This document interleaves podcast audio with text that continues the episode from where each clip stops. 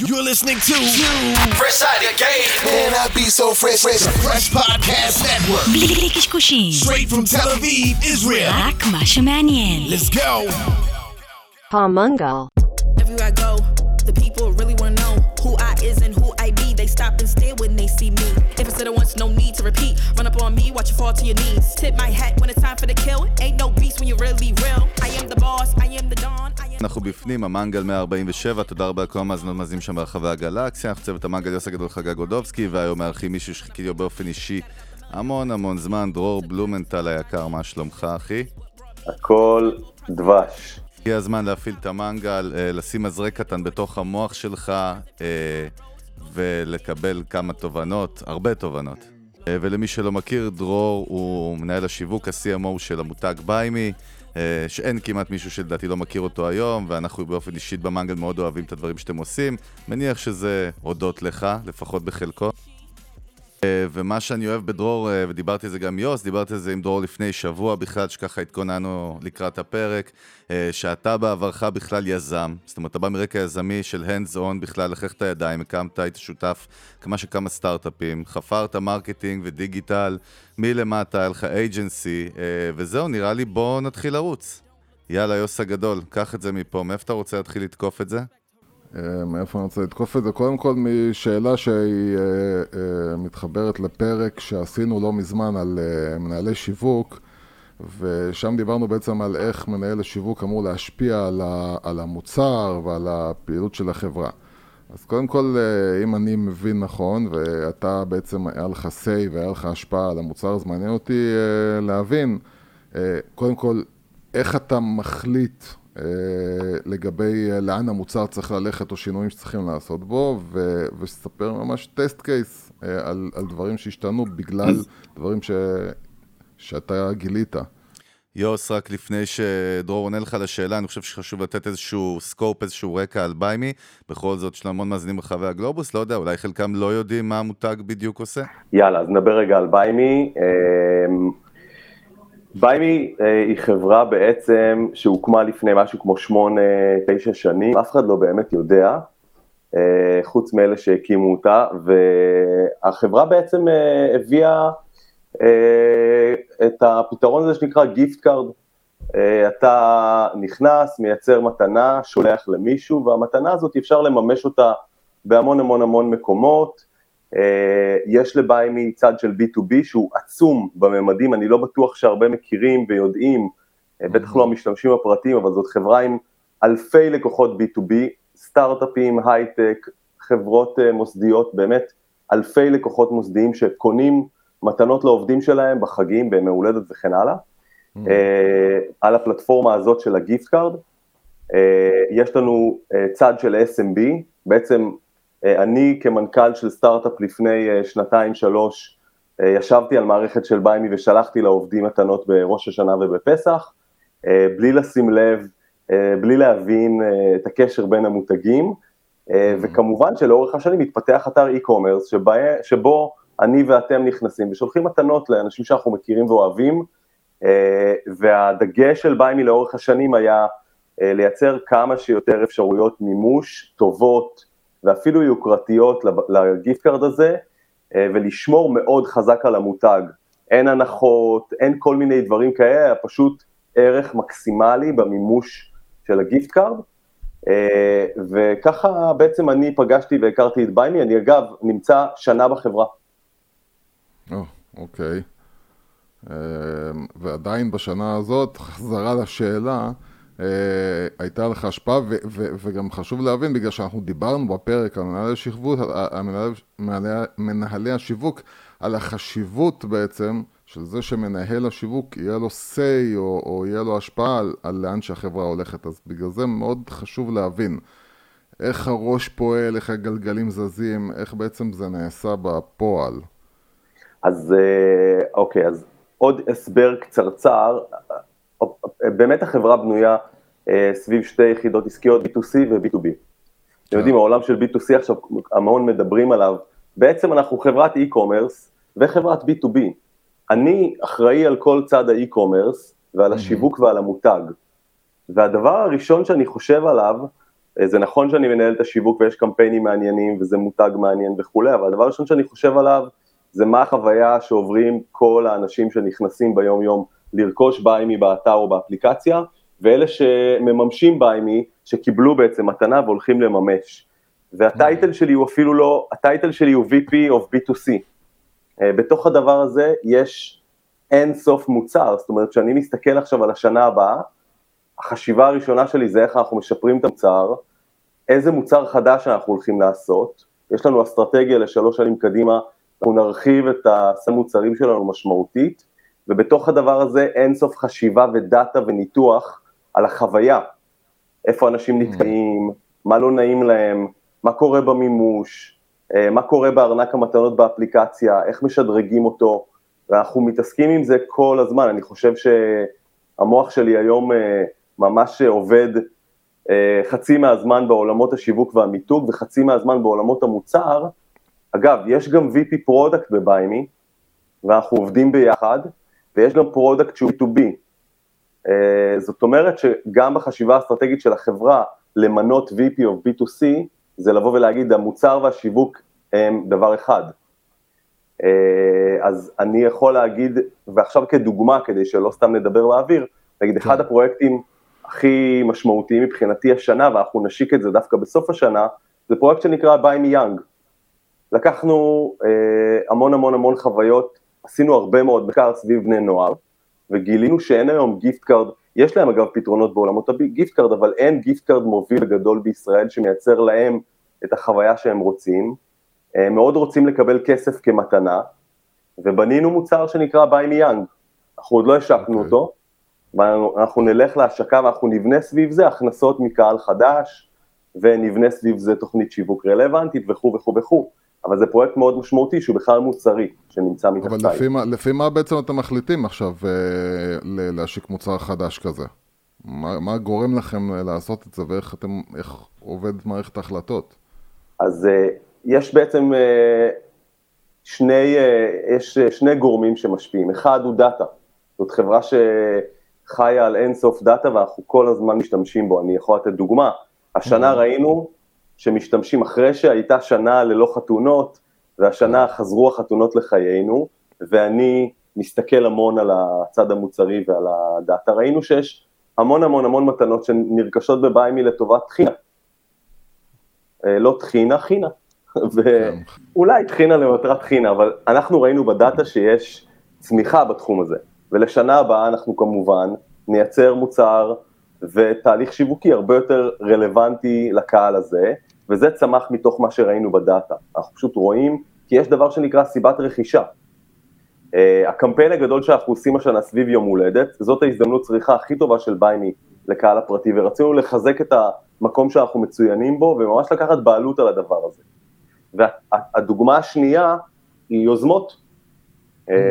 אני חושב שאחד הסיבות שהגעתי לביימי, ותומר, אה, המנכ"ל של ביימי, שהוא יזם בעצמו, הביא אדם שהקורות חיים שלו הם all over the fucking place כמוני, כן. זה כי בסוף אני מסתכל ואני אומר, שנייה, יש פה מקום ליזמות ויש פה מקום ליזמות, ואז כל התהליך הזה של איך, איך עושים, איך בודקים עם נוער, איך עושים קבוצות מיקוד, בלי ללכת ל-20 אלף יועצים ובל, ולייצר איזשהו MVP ולעשות growth hacking, כל הדברים שאנחנו באים איתם כ- כיזמים, ואני חושב שבאים היא מאוד מעודדת מאוד מעודדת את זה היום, וזה הדרך השנייה לעשות את זה, לבדוק uh, תזה, לייצר MVP, להעלות אותו לאוויר, לראות מה קורה, ולהחליט אם הורגים אותו או ממשיכים הלאה, וביימי young בלי שיווק, הפך להיות uh, שובר שקונים אותו הרבה. רגע דרור, אני רוצה להבין, אתה מדבר פה בעצם על משהו שהוא סוג של sub-brand, נכון? איך אתם מתייחסים לזה באמת? זה כל אחד הוא sub-brand עם עולם בפני עצמו, שהכל זה תחת המעטפת של, אה, של ביימי וזה brand עם... זה נקודה נורא נורא נורא מעניינת, הנושא של sub-brand. יש את כל הנושא של ארכיטקטורת המותג. אני אגלה לך סוד, אתה יודע, אני מקווה ש... אני יודע שיש לכם מלא מאזינים, אבל אם אני נכנס לסודות, אז אני מקווה שאין הרבה. אבל אז, אז רגע, אז קודם כל נבקש מכולם לעזוב רגע. כן, חכו שנייה. תראה, ארכיטקטורת המותג, נגיד, איך חי המותג B2C והמותג B2B ביחד? הם מדברים את אותה שפה, בלינקדאין אנחנו נוציא את אותם דברים שאנחנו רוצים לדבר עליהם במקומות אחרים וכן הלאה וכן הלאה, צריך להחליט. אנחנו נכנסים על זה ברבעון 4. האם ביימי young הוא sub-brand? האם השובר הכי חזק שלנו שנקרא ביימי שף? האם אנחנו רוצים לטפח אותו כמותג נפרד או sub-brand, כמו שאתה קורא לזה? כרגע יש מותג אחד שנקרא ביימי ומתחתיו מוצרים, mm-hmm. והמוצרים הם כולם ביימי young, ביימי שף, ביימי wellness, ואנחנו לא מטפחים אותם כמותגי, כתת מותגים, אלא פשוט כמוצרים. בוא נאמר לצורך העניין כמו גט, שהיא מותג על ויש לו גט דליברי, גט טקסי וכו' וכו'. נכון, אבל באותה שפה ובאותו בדיוק. ספר מותג, אה, הם פשוט מדברים חלקם זה... לקהלים שונים. כל זה בעצם נועד בשביל לכוון כביכול את הקהלים, להגיד להם כאילו, אתם קהל X, הנה המוצר ששייך לכם. זאת אומרת, יותר לעזור לאנשים להחליט uh, טוב יותר לגבי מה הם רוצים, כשאתה מייצר משהו שמשדר להם שזה בשבילם. אז קודם כל, הנושא הזה, אז, אז קודם כל כן, אתה צודק. בצד המוצרי, uh, אתה רוצה לקחת את המסעדות הכי טובות בארץ, ואת החוויות הקולינריות הכי טובות בארץ, ואז לבנות שובר גיפט קארד שנקרא ביימי שף, כדי שהכל יהיה בתוכו, וכשאתה קונה למישהו שאתה יודע שהוא אוהב קולינריה, לא תצטרך לבחור מסעדה כזו או אחרת, אלא יהיה לך גיפט קארד שכולל את כולם, והוא לא הופך להיות מותג משנה, אלא הוא פשוט אגרגציה של כל החוויות ביחד. זאת אומרת, זה מוצר, ככה בנו את המוצר וזה חכם. כשאני הולך ובונה מוצר לקהל חדש, אני רוצה לייצר איזשהו מכנה משותף, אני קורא לו young, אבל לחלוטין הוא ידבר קודם כל לבני הנוער. זאת אומרת, אם אנחנו נציט בתוך קהל היעד הזה את הרצון ואת הביקוש למוצר הזה, לגיפט קארד, אז הם גם יקנו את זה אחד לשני והם גם ישגעו את ההורים להביא את הכרטיס אשראי לקנות. ואז בעצם מה שעשיתם זה כביכול אה, אותה, אותו, אותו רעיון בגדול של נטפליקס וכדומה, זה להגיד ללקוח, אתה תחליט מה אתה רוצה, אני לא אומר לך עכשיו לקנות, לקנות עכשיו את ה... את הארוחה במסעדה הזאת, אלא אני נותן לך משהו, תלך אתה תחליט מה לעשות איתו. כלומר, המתנה היא, אתה תחליט מה לעשות איתה. המתנה היא, זה, אנחנו קוראים לזה The Gift of Choice. ואגב, זה, זה מסר אה, שאנחנו פונים לקהלים שלנו בעולמות ה-SMB וגם ה-B2B, אנחנו ממסגרים את זה תחת הסיסמה The Gift of Choice. כי אתה באמת אה, מקבל משהו ויש לך אה, המון המון אפשרויות של מה לעשות איתו, ויחד עם זאת אתה לא מקבל דבר קר ומנוכר כמו כסף. אתה כן, כן מקבל משהו שהוא או בעולם מסוים, יש uh, card לאופנה ויש גיפט קארד לעולם הקולינרי וכן הלאה, וזה uh, לא כסף, אבל זה כן מייצר לך אינסוף אפשרויות בחירה. אתה יודע, דרור, בסוף אנחנו אנשי שיווק, ואנחנו עוסקים המון בהתנהגות אנושית. אתה יודע, רק בשביל באמת ליישר קו גם עם המאזינים וגם לחדד לנו, אתה יודע, מה ההבדל בסוף בין גיפט קארד שהוא מוטען בעצם ב cash, אה, ואתה יכול להשתמש בו לרכוש פרקטיקלי מה שאתה רוצה, במסגרת כמובן אותו מותג, אה, לבין כסף מזומן. מה, מה אצל בני אדם גורם להם לראות את הדבר הזה אחרת? זה עובד על זה. אה, אני חושב שכסף זה, הרבה אנשים רוצים לקבל כסף. בצד של מי, ש... מי שמקבל, אם היו שואלים אותו לחלוטין ולא היה לו לא נעים, Mm-hmm. אז יכול להיות שהרבה אומרים, תביא כסף, כי אה, זה באמת ה, אה, הבחירה האולטימטיבית, אה, כי זה נותן לי אפשרות לקנות באמת מה שאני רוצה. אבל לזה שנותן את המתנה, הוא רוצה להראות חשיבה והשקעה ואיזשהו טקס סביב הנתינה. יפה. ואם אני חושב שאתה אדם של אקסטרים ואני רוצה לתת לך משהו שמסמל משהו על החברות שלנו, על הרגש שיש לי אליך, על איך שאני תופס אותך כאדם, אני לא יכול לתת לך כסף. אני אתן לך משהו שהוא בעולם שלך, ואני גם הרבה פעמים אכתוב לך ברכה סביב זה. אני נורא אוהב את ה... אנחנו חברים טובים מלא שנים, אני אוהב אותך נורא, ונתתי לך מתנה בעולמות האקסטרים, כי אני יודע שזה מה שאתה אוהב, אה, תהנה ונתראה.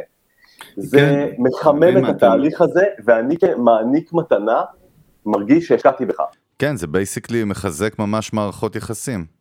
נכון, ובהקשר הזה של המסר והמסר השיווקי, אנחנו מאוד מרגישים, אגב, אנחנו אפילו עוד לא מדברים את זה, שאנחנו אבל לגמרי enabler למערכות יחסים. אנחנו מחממים את הרגע הזה שבו אתה נותן למישהו משהו, וככל שהמותג יהיה נחשק יותר, אתה תרגיש שאתה נותן לו משהו מדהים, וכשהוא יקבל, הוא ירגיש שהוא מקבל משהו מדהים. לכן המותג כאן חייב להיות מאוד מאוד אהוב. דרור, תגיד, אה, יש משהו שאנחנו מדברים עליו בינינו בשיחות פנימיות הרבה, אבל פחות יוצא לנו לדבר עליו פה, אנחנו זורקים על זה פעם ב... אה, עד כמה חשוב לדעתך שאנשי marketing או ה-CMO באופן ספציפי יהיה מעורב ב product עצמו, אה, ברמה, ברמת, אתה יודע, בתהליכים שלנו, האם כאילו, איך בעיניים שלך יש R&D ויש פיתוח ויש marketing, או יש R&D slash, זאת אומרת, מה רמת המעורבות, ואחרי אכילת ראש שלי, איך אתה רואה את זה בעצם? אז אני יכול לקחת אתכם אה, טיפה אחורה בכמה אה, שנים אחורה לשני סטארט-אפים, אחד מהם הקמתי ואחד מהם הצטרפתי, בשניהם הייתי CMO. הסטארט-אפ הראשון נקרא Travelers Box, אה, זה סטארט-אפ פינטק, זה בעצם מכונת, מכונת תשלום, נראית כמו כספומט, uh, השם ייקום דמה כמובן, כן. ואי שם ב-2013 עם שני שותפים נהדרים, ראינו שאנשים שחוזרים מחו"ל נשארים עם מלא כסף אמיתי, בכיסים, מטבעות, שטרות, נכנס למגירה, יש במגירות איזה 8-10 מיליארד דולר בשנה. והקמנו, כן. עשינו מכונה, שאתה ניגש בגייט למכונה, מפקיד את הכסף לחשבון אונליין, ל PayPal, אה, ל iTunes, לאמזון, לסטארבקס, כל מיני דברים. כן. בסדר? זה היה הקונספט. אני אה, כ-CMO, כל הצד הזה של המסך שאתה ניגש אליו ונוגע ומתחיל את התהליך של ההפקדה, היה משהו שהתעסקתי, קודם כל, אה, הייתי חלק משמעותי, עבדתי עם אה, מומחי UX UI והבאתי designer והסתכלנו אינסוף זמן על כל מסך והכנסנו analytics והכנסנו BI וזה לגמרי היה תחת ה... תחת, אתה יודע, קשה להגיד אחריות כי היינו שלושה אנשים שהפכו לשישה, לשמונה, לחמש עשרה, לשמונה עשרה, אבל לא היה product. היה CMO והיה R&D, זה ישב אצלי, ודרך הקריאה של המסך הזה, בעצם כל הזמן התלבטנו לגבי הצעת הערך, לגבי איך אנחנו עושים את זה, חוויית המשתמש. אני אגיד לך יותר מזה, אני גרתי בשדות תעופה, ולפעמים ה-VP R&D היה בא איתי. Mm-hmm. ישבנו והסתכלנו על אנשים ניגשים למכונה. גם בצד הזה של, תגידו, אתם לא רואים את המכונה, למה אתם לא ניגשים? כן. בצד השיווקי, מה קורה, למה זה לא בולט? ובצד הזה של ניגשת, מה הרגשת, מה עשית, והיה לנו מערכת שמקליטה את זה, וזה זה היה אצלי, לחלוטין, לחלוטין אצלי. מה שנקרא, הפכת את הדיגיטל לאנלוג, כמו שיש לנו Hotjar וכלי ניטור של מסע לקוח באתרי אינטרנט ובאפליקציות, עשית את זה פיזית בשדה תעופה. נכון, חד משמעית. זה גם היה עולם כל כך מסובך, שבו אי אפשר היה לקנות traffic. פיזי, okay. אוקיי. אנשים צריכים לגשת. אז כן, זה, כן. זאת חוויה ראשונה שלי, ואני חייב להגיד חוויה מאלפת, כאילו אני תמיד מתגעגע לימים האלה שיש זמן לשבת על micro details, אני מת על זה.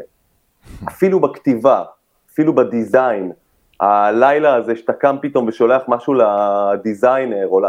אני מת על זה, זה באמת, בטח שאתה מרגיש שאתה עושה איזשהו מוצר שמשנה משהו, משנה שוק.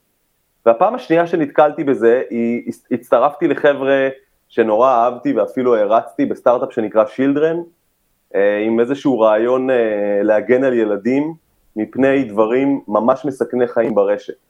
cyber bullying שמוביל להתאבדויות, פדופילים, אה, התעסקות בחומרים, תכנים מסוכנים, אנורקסיה, בולימיה, דברים קשים, עם מערכת של Machine Learning שמזהה כל מיני דברים ומתריעה להורים. גם סטארט-אפ מורכב בטירוף, הילדים שונאים את זה, ההורים מפחדים מזה, B2C, אפליקציה. כן, זה קטע, זה גם מיזם באמת שאתה יודע, יש לו סיפור כל כך אה, רגשי ועמוק, הוא בא כבר עם מטען שמה שנקרא, יש עם מה לשחק.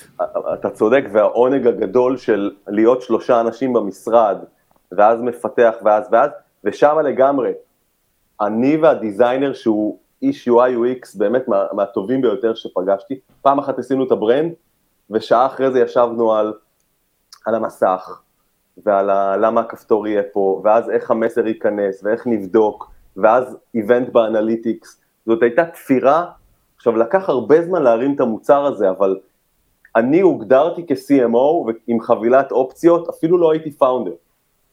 ועדיין הייתי האדם השלישי או הרביעי בחברה, ובמשך שנה וחצי התעסקתי מלא במוצר.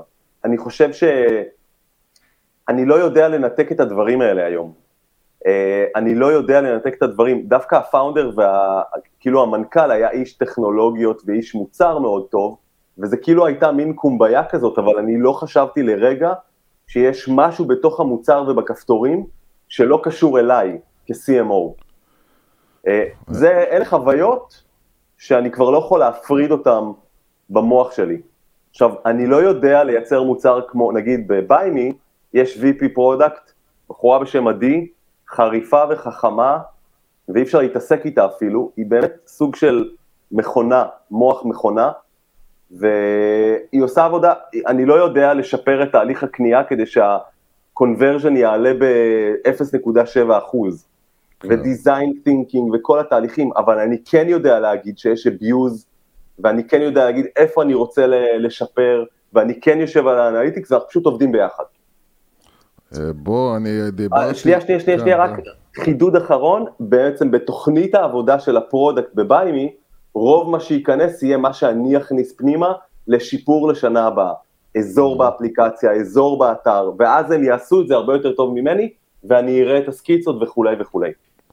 עכשיו, אה, דיברנו על זה שבעצם אתם אה, נכנסתם לאיזשהו קמפיין רחב וגדול, ואנחנו, אני חושב, לא עשינו את זה אף פעם, אז uh, זאת הפעם הראשונה. Uh, בעצם להיכנס ולקחת את זה כטסט קייס, ולהתחיל להיכנס, לצלול לעומק של זה, ולהבין מה רציתם, מה היו המטרות, מה עשיתם, מה עמד מאחורי מה שעשיתם, ממש בואו ניכנס מאחורי הקלעים של הקמפיין. ואני אוסיף על יוס, אני אשמח, אנחנו נשמח גם באמת לדעת איך אתם עושים distribution של המגה פרויקט המטורף הזה, זה לא קמפיין, זה פרויקט עם הנבחרת, ATL, BTL, ערוצי הפצה, חלוקת תקציבים, performance אה, בכלל, איך, איך זה עובד? כן, אז אה, יש עכשיו הייפ על השקה של קליפ, ועל הקליפ אני אדבר תכף, כי הוא חלק מקמפיין רחב שנתי. והקמפיין הרחב השנתי מתחיל, מחל... מתחיל בהחלטה שהיא החלטה אסטרטגית. ההחלטה האסטרטגית היא, אנחנו רוצים שהדבר שה... הזה שנקרא יום הולדת, והדבר שנקרא BuyMe, יידבקו. זה נכון שהמון קונים מתנת יום הולדת ב BuyMe, אבל מותגית, אני רוצה שאפילו יגידו, קניתי, קניתי לו, אה, אה, קניתי BuyMe, זה לא קניתי מתנה אפילו, קניתי BuyMe ליום הולדת, קניתי BuyMe ליום הולדת. אתה מדבר פה ממש על ללכת למהלך של שם גנרי, מה שנקרא חלומו הרטוב של כל מותג, ג'קוזי, פלאפון וכאלה. כן, אתה יודע, זה החלום של כל, אה, כל מותג, של כל מרקטיר ובטח של כל בעלים של חברות כאלה, אה, אבל האסטרטגיה היא, אנחנו רוצים לדבר יום הולדת חזק ולהדביק את שני הדברים האלה, כדי לקחת אה, תכונה טובה מאוד שיש לנו ולהפוך אותה למצוינת. ואז אה, נשאלת השאלה, האם הולכים לטלוויזיה, האם הולכים לדובר אה, אחד, זאת אומרת דמות אחת שהיא, אה, ובכלל אה, איך נכון לעשות את זה, וכאן בעצם אני חייב לתת הרבה קרדיט, גם לתומר שהוא מנכ"ל ביימי, אה, אם אתם רוצים אה, פעם אה, עוד פודקאסט מאוד מאוד מעניין, הוא אדם סופר מעניין לראיין, וגם אה, אה, יואב, שהוא הבעלים של ביימי, אה, בעצם אה, עוד לפני תחילת התפקיד שלי, ישב עם החבר'ה מפיץ', בחור בשם אה, סעדה, שכולם מכירים, הוא איש מקסים וחכם מאוד. רגע, רגע, דרור, רק למי שמכיר, פיץ' היא content agency, נכון? content agency מאוד מאוד דיגיטליים, אה, שייכים לקבוצה של גיטם. אגב, אני לפני ביימי לא עבדתי איתם, הכרתי אותם, אבל לא עבדתי איתם. ובעצם עלה הקונספט הזה של בואו ניקח הפעם תקציב משמעותי ונבנה נבחרת משפיענים. Mm. בעצם כשאני קיבלתי את השיווק בביימי זה uh, כבר היה קונספט uh, uh, ואיזשהו בריף כבר די מפותח סביב זה, והיה צריך לקבל החלטה האם זה הדבר שהולכים אליו או לא. Uh, התפקיד הקודם שאני עשיתי לפני ביימי היה, הייתי פאונדר ומנכ"ל של חברה בעולמות המשפיענים. אבל בזמן, בזמן שאני הלכתי והתרוצצתי ברחבי ישראל והגלובוס, ודיברתי על סופם של המקרו משפיענים והעידן של מיקרו וננו משפיענים, mm-hmm. הביאו לי קונספט של מקרו מקרו משפיענים. בואו נלך על איתי לוי, ובואו נלך על באמת משפיעני על, ונעשה קמפיין שנתי מותגי. רק בשביל אה, שנעשה סדר למאזינים שלנו, מדברים בהבדל בין מקרו למיקרו וננו, זה אומר basically בסוף בכמות ה... followers וה engagement שיש לאותו influencer? איך אתה מגדיר את זה? אה, זה גם כמובן משחק של כמויות, אם יש לי 500, אם יש לו חצי מיליון עוקבים, אני מאקרו משפיען בישראל, אני משפיען גדול בישראל, בדרך כלל אני סלב, אני גם ידוע ברחוב, אני גם מאוד מאוד מאוד ידוע ברשת. המיקרו והננו זה יוצרי תכנים, זה אנש, בעצם אנשים גם כמוכם, אתם מייצרים מלא תוכן, והחיים שלכם זה תוכן, ויש לכם זווית מעניינת על כל דבר, ועוקבים אחריכם 5,000, 8,000, 12,000, 18,000, 28,000, אבל ברחוב אתם לא כל כך מוכרים. הגדרת את זה די יפה, כאילו אנחנו לא, אבל פתאום פעם בכל מיני סצנות הזויות, אתה יודע, אם זה באמת בשדה תעופה או במסעדה, או סתם ברחוב, כאילו, אה, אתה יודע, פתאום אה, הבזקים כאלה. אה, כן, אנשים ניגשים, פתאום רגע, מזהה אותך לפי הכל וכאלה. אבל האנשים שעוקבים אחרי, אוהבים את התוכן שלכם, ייכנסו ויחפשו את התוכן. הוא לא רק ייתקל, הם לא רק... בצורה לא אקטיבית, בדיוק, זה לא, זה לא search, זה, זה search נכון. אקטיבי, לא פסיבי. כן. נכון. כן. ואז כשניגשתי לנבחרת המשפיענים ולבריף הזה וכולי, הייתי צריך להיכנס לתוך המוח שלי וללחוץ על switch ולשנות את החשיבה ולחשוב מותג גדול, אני גם בחברה גדולה כבר, אני כבר לא סטארט-אפיסט, אני לא bootstrap, בוא שנייה נשנה, הסתכלתי על הדבר הזה, ואז אמרתי, טוב, נעשה פעילות שנתית כזאת, לא נעשה השנה טלוויזיה בכלל, נעשה אופטימיזציה לכל התקציבים שלנו לדיגיטל, mm. זה השפיע גם על כל שאר הקמפיינים שעשינו, ונדבר ברשת, ובעיקר נדבר תוכן. אני לא יכול לעשות בתוך הדבר הזה פרסומות מסריחות אה, מפרסום וממסחריות יתר. זה יצטרך להיות תוכן נורא נורא נורא טוב, והאמת היא שאחרי שהזזתי את הסוויץ' במוח, נדלקתי על זה בטירוף, כי אני כל כך אוהב תוכן, ואני לא כל כך אוהב פרסומות. Mm-hmm. ואז לא בעצם... אחת הטענות שלנו, שפרסומות פחות ופחות ופחות עובדות, משפיעות ונחשפות, לעומת תוכן. אני מתאר לעצמי שגם, יש פה, היה פה גם עניין לשכנע גם אנשים אחרים לעשות את זה, או שכולם היו און בורד? היה לי מזל uh, בתוך ביימי, שיואב הבעלים ותומר מאוד מאוד uh, רצו ואהבו, וגם היו מאוד עם רצון להשקיע במותג, מאיזושהי תפיסה, ש... התפיסה היא תמיד כזאת, שהמותג כאן הוא נכס uh, שעוזר לנו בתחרות בשוק, ולמעשה המובילות היא לא רק טכנולוגית ומוצרית, היא גם מותגית. אני, mm-hmm. ואני שנייה רוצה לעצור, כי אני רואה המון המון המון המון שחקנים בעולמות האי-קומרס, שאומרים, אני רק פרפורמנס. כן. וזה טעות. ברור. דרור, אני אשמח אבל באמת גם כאילו, אתה יודע, אפרופו אתה כבר מדבר על זה, אה, אתה יודע, שמעתי לא מזמן ב-30 דקות או פחות של אה, נבות אה, וולק, וזה הפודקאסט, איזשהו מותג משקפיים, e-commerce ישראלי שעובד בחו"ל, מאוד מתהדר בזה שיש לו מאות מיליון דולרים revenue, בלה בלה בלה, וששאלו אותו, אוקיי, מה עם מותג, מה עם תוכן, הוא אמר, תקשיב, לא מעניין אותנו כל השיט הזה, לא, הוא לא הגדיר את זה ככה, הגדרה שלי כמובן, אבל לא מעניין אותנו הדבר הזה, כל סנט שיש לנו ילך לפרפורמנס. לי זה מאוד קשה להבין את זה, כי אני לא מצליח להבין, זה נשמע לי משחק מאוד לטווח קצר. אה, ממש לטווח קצר, וכאילו מה קורה, דרך אגב, שמותג מתחרה שלך כמו וורבי פארקר, שדיברנו עליו לפני יותר משנה במנגל, שהוא גם מותג משקפיים, אבל שמשקיע בתוכן וב-DNA ובערכים ובחיבור רגשי לקוחות, שהוא כבר שווה 3 מיליארד דולר דרך אגב, אבל איך כבר, אתה יודע, איך אתה רואה את זה? אז אתה יודע, כאילו החברות שנורא נורא מצליחות ועושות את זה, הרבה פעמים פועלות בשוק שבו החדשנות שלהם יצרה להם אה, פשוט קפיצה מאוד גדולה קדימה, ככל שיהיה יותר תחרות, והם לא יהיו מותג והם יסבלו מחוסר נאמנות, או לא יודע איך לקרוא לזה, לדעתי זה טעות. בטח אם יש לך הרבה כסף ואתה לא משקיע במותג, אבל זה DNA. ואני תמיד שואל את עצמי, האם אנחנו, אנשי השיווק, צריכים להיות כבר בעידן הזה יותר רואי חשבון וחזקים באקסלים, או האם אנחנו עדיין צריכים להיות מוזיקאים ואומנים וציירים ואנשי קריאייטיב ואנשים שאוהבים לכתוב ולקרוא ואתה יודע, אני מחזיר שנייה את הרומנטיקה. ואני טוען שזה איזשהו שילוב נורא קשה ביניהם. זאת אומרת, אני חייב להתרגש ולרצות שהמותג יהיה וידבר נכון וייצר דברים מעניינים ויהיה מגניב, ואני לא יודע איך לכמת את הדברים האלה. יחד עם זאת, אני חייב לדעת לבנות פאנל נכון ולקרוא נתונים וכולי, אבל אני לא מוכן ללכת לכיוון הזה של רואי חשבון. ובמקומות כן. שאני פוגש את זה, זה ממש צורם לי. אנחנו כן, בוא נמשיך עם הקמפיין, ובאמת אמרת שבעצם, רק שנבין, הקמפיין בעצם הוא ברובו אה, בנוי על משפיענים, או שיש עוד... אה, בעצם אה, לקמפיין הזה? חוץ מזה, הלכתם על תכנים אחרים, על שיטות אחרות, חוץ מאשר משפיענים, או שזה התמקד לא, אז, במשפיענים? לא, לא, לא, אז זו שאלה נורא נורא טובה, אני... זו שאלה, זו נקודה נורא נורא נכונה, כי בעצם המשפיענים זה החלק הראשון, אז אתה מגייס לעצמך נבחרת של אנשים שאחד, מה זה משפיענים? יש להם הרבה עוקבים, אז הם מדיה, כן. כביכול הם מדיה, הם מדיה אורגנית, אבל הם מדיה, כן. אגב זה אפילו לא רק אורגני, אפשר גם לקדם בכסף את התכנים האלה. והדבר השני, זה שהם מייצרים תוכן. אז אתה בעצם מקבל יצרני תוכן, ואתה לא כן. צריך לשבת בסטודיו ולייצר את כל התוכן סושיאל שלך. אבל האמת היא שזה לא מספיק.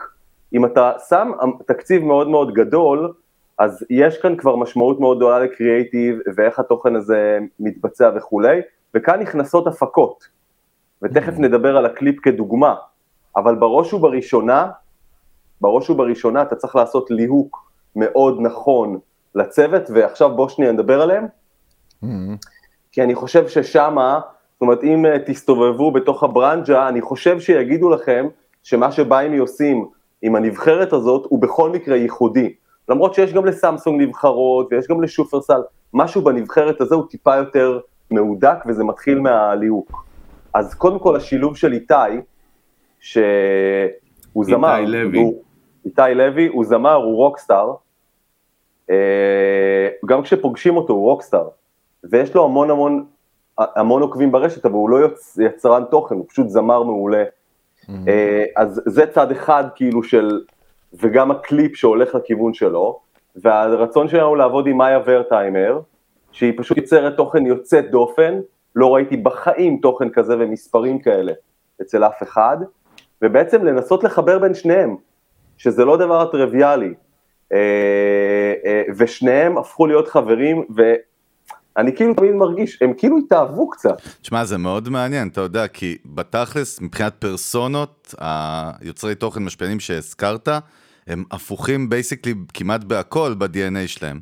וזה מדהים לראות, אה, אה, כאילו, אני לא יודע מה קורה, אתה יודע, אני לא יודע אם הם חברים ביום, זה לא שאני החוט של שניהם, העניינים אה, איתי, מה העניינים מאיה, אבל בכל המפגשים המשותפים שלנו, וגם רואים את זה בקליפ ורואים את זה בתוכן, משהו מדהים קרה ביניהם. ומסביבם יש את מעיין אדם, שהיא typecast, היא בחורה חכמה, והיא typecast מאוד מאוד נכון עבורנו, וליאל, שליאל היא צעירה והיא טיקטוקרית והיא super cool ויש לה גם המון המון עוקבים, ליאל אלי למי שלא מכיר, אגב אני לא הכרתי, אה, אני לא, לא הסגרתי את גילי אבל אז uh, זאת ליאל אלי וקרן שחם שעושה איתנו גם קמפיינים, זאת אומרת הקמפיין הראשון שאני הובלתי היה עם קרן שחם שהיא היא אגב הגיעה ממקום של מיקרו משפיענית והיום היא כבר במספרים גבוהים ומיסמס תגיד, דרור, אני לא, לא מבין. אז אוקיי, איך בוחרים את התמיד הזה? איך מקימים נבחרת? אתה יודע, מה זה כמו הכוכב הבא לאירוויזיון? יש כאילו אודישנים, יש קרי, מי אנשי הקריאיטיב יושבים, אתה, CMO, מי, מי כאילו מחליט? איך מחליטים החלטה באמת כזאת כבדת משקל על קמפיין שאתה, אתה קורא לזה קמפיין, אני קורא לזה פרויקט, אתה יודע, זה משהו ממש ארוך טווח, שמשפיע על מותג שלכם בצורה כל כך חזקה. אז יש, אה, יש, את, יש, אתה יודע, את הניתוחי קהלים, אתה רוצה לראות שאתה, שאתה פוגע בקהל שהוא יחסית רחב, ועדיין ברובו הוא הקהל הטוב של BuyMe, הקהל הטוב זה הסגמנט הזה של 30 ועד לקראת 50, אה, גוש דן, אנשים מאוד דיגיטליים, זאת אומרת זה הכוח קנייה הגדול של BuyMe, אבל שאתה יודע גם להרחיב את זה למקומות שבהם לא מכירים אותך מספיק ולא יודעים מי אתה, אז הניתוח הוא גם ניתוח של קהלים וגם ניתוח של טייפקאסטים. אני כאילו בסרטים, כי אני רוצה שנייה לסיים את הרשימה שאף אחד לא ייעלב, וזאת רשימה ארוכה, זה עשרה אנשים. תרביץ. אז, אז דיברנו על, על קרן ודיברנו על מיסמאס, שזה עידו גרינברג שאני חולה עליו ברמה האישית, הוא איש מוכשר ואיש קריאיטיב. אה, דיברנו על, אה, אה, יש את גיא הוחמן, שאתם בטח מכירים את הסרטים שלו. בטח, הוחמן חזק, nice guy, לא? כן. nice guy, ברור. בואנה, וואחד נבחרת הרמתם פה, מה זה, זה all-star, לא רק נבחרת. נבחרת, ויש את אילנית לוי, שים לב. זה גם באמת מה שנקרא מריח יותר מאנשי, אנשים שמייצרים תוכן מאשר influencers ברמה של, אה, אתה יודע, כוכבים. זה באמת אנשים שאני מבין שחיפשתם אותם גם בגלל שהם יודעים לייצר תוכן. נכון, וכל הדבר הזה כמובן חי בתוך מסגרת תקציב שהוגדרה לנו, אה, שהלכה ונשברה והלכה ונשברה פעם אחרי פעם, אה, ולא ויתרנו וכן קיבלנו המון קרדיט, אז זה, אז יש גם את אילנית לוי, ויש את יובל בן אריה שהוא הדמות הקולינרית, ואני חושב שעברתי על כולם, לירן כהנר, כמובן שהיא אימא צעירה, ואגב, גם מצחיקה ונורא מוכשרת, ואפילו התוכן שהיא עושה, הוא, תוכן שהיא עושה אצלנו הוא מדהים, וזאת הנבחרת. זה עשרה אנשים, ואז אחרי הליהוק בעצם צריך להתחיל לדבר על התוכן. Mm-hmm. התחלתם בשאלה על התוכן ואיך עושים את זה, והחשש הכי גדול שלי זה שקמפיין כזה יהיה לאורך שנה, ולירן תוציא משהו באינסטגרם שלה, ואיתי יוציא משהו, ומאיה תוציא, זה לא יידבק. אף כן. אחד לא יבין בכלל, אחד, את החיבור הזה של נבחרת, וגם אף אחד לא יבין את המסר, כי זה לא שאני מעלה בפריים טיים פרסומת שאומרת מתנות זה ביימי, ביימי זה מתנות, ערב אחרי ערב, ואין לי ספק שהדבר הזה נדבק, אלא זה מאוד fragmented. לראות uh, סצנה מאיזשהו סרט, בלי לראות כל ה feature, להבין את ה context ואת ההתחלה, אמצע סוף כזה. וזאת עדיין, יש עדיין סימן שאלה, האם המסה הגדולה של הקהלים מבינים את הנושא של הנבחרת וכו' וכו' וכו', ואגב, זה תמיד השאלה. הדרך היחידה לפתור את זה, זה לתת לך בילבורד באיילון מול הפרצוף ולקוות שכל הישראלים תקועים בפקק, או איזשהו טלוויזיה או משהו חזרתי, אבל זה לא המקרה. ומה, כאן אנחנו צריכים להיות... מה המטרה בלהעביר את המסר שזאת נבחרת? זאת אומרת, מה המטרה? הרי כביכול, אתה אומר, כל אחד כשלעצמו מייצר את התוכן לקהל שלו ומגיע למטרה שלכם. למה אתה צריך דווקא לבוא עם הנבחרת ולתת את ה... לתת... ו... ולגרום לזה שכולם יבינו שזאת נבחרת? קודם כל, בצירוף של כולם יש מסה מאוד גדולה. פעם אחת, העובדה שאתה עובד עם עשרה משפיענים בסדר גודל הזה, אז כל פעם שיש פעילות, כל הפעילות הן משותפות ותכף אני אסביר, אבל פעם אחת זה באמת מסה מאוד גדולה מאשר לעבוד עם אה, אחד, שניים נקודתית. שתיים, מערכות היחסים ביניהם מייצרות משהו אקספוננציאלי. העובדה שאיתי, וכ... אה, אה, העובדה שאיתי ומאיה, או קרן ומאיה, או mm. מעיין ואילנית, מתייגות אחד את השנייה, ועושות משהו מצחיק, ומיסמס ומעיין אדם הולכים ועושים צניחה חופשית מטעם ביימי, ומתייגים את שאר הנבחרת, וזה עולה אצל כולם, קודם כל התכנים האלה מקבלים תעודה אדירה, שנית משהו בבני אדם אוהב את המערכות יחסים. זה מחמם את הדבר הזה, וזה סופר מגניב לראות את התגובות של הקומביה הזאתי, mm-hmm. זה הפיצוח. אתה יודע, דרור, זה קטע, זה כאילו, אני ממש בהתחלה הסתכלתי על המהלך שעשיתם, זאת אומרת, ממש כאוטסיידר ולא הבנתי בדיוק, זה כקומרשל, כפרסומת ולא כתוכן, עכשיו אני מבין את העוצמה של ה-content wise, כאילו, של המהלך, ואני חושב בכלל, אתה יודע, יוס ואני מדברים הרבה במנגל, וגם באסטרטגיות שאנחנו בונים, בונים uh, במהלכים ובמקומות שאנחנו מנהלים ומקימים פרויקטים. אז אתה יודע, יש את העניין הזה שבני אדם מתחברים לבני אדם בסופו של דבר, והאינטראקציה היא נוצרת. אתה יודע, היום טריילרים בהוליווד כאילו אה, אה, נמדדים לפי ה reactions, מחליטים בהוליווד מה תהיה, מה, מה תהיה ההצלחה של, אה, של טריילר, ובכלל, אתה יודע, כל עולם הריאליטי בנוי באמת על. ההזדהות שלנו וההתחברות שלנו לדמויות ולסיפורים אנושיים. אני חושב שזאת העוצמה הגדולה של תוכן, ואתה יודע, אי אפשר שלא להתחבר ולהאמין לנוסחה הזאת. אגב, חגי, זו נקודה מה זה נכונה. אני מרגיש שכשאנחנו אנחנו מדגישים את החיבורים של הנבחרות, ואנחנו עושים, של הנבחרת, ואנחנו עושים מפגשים אחד עם השני, ואז אני כאילו מרגיש שהתכנים שיוצאים ביחד הם כמו הצצה לריאליטי של משפיענים, מפורסמים, או סתם אנשים שאנשים אוהבים. כאילו, אתה עכשיו חידדת לי את זה. זה קצת ריאליטי. עכשיו, אחד הדברים שאנחנו מדברים עליו, זה, אה, זה לא משנה האמת, זה תוכן בכלל, אבל, אבל המקרה שלכם זה אינפלואנסרים, זה יש רצון מאוד גדול לבוא ולהתערב בתוכן. למה? כי הרי איך חושב עסק, או איך חושבת חברה, אה, אני רוצה למכור. עכשיו, הבן אדם אומר, כאילו, אוקיי, בסוף אני רוצה שיקנו, אז בשביל שיקנו, אני צריך לבוא ולהנדס את התוכן. לטובת איזשהו פאנל או מכירה או לא משנה מה.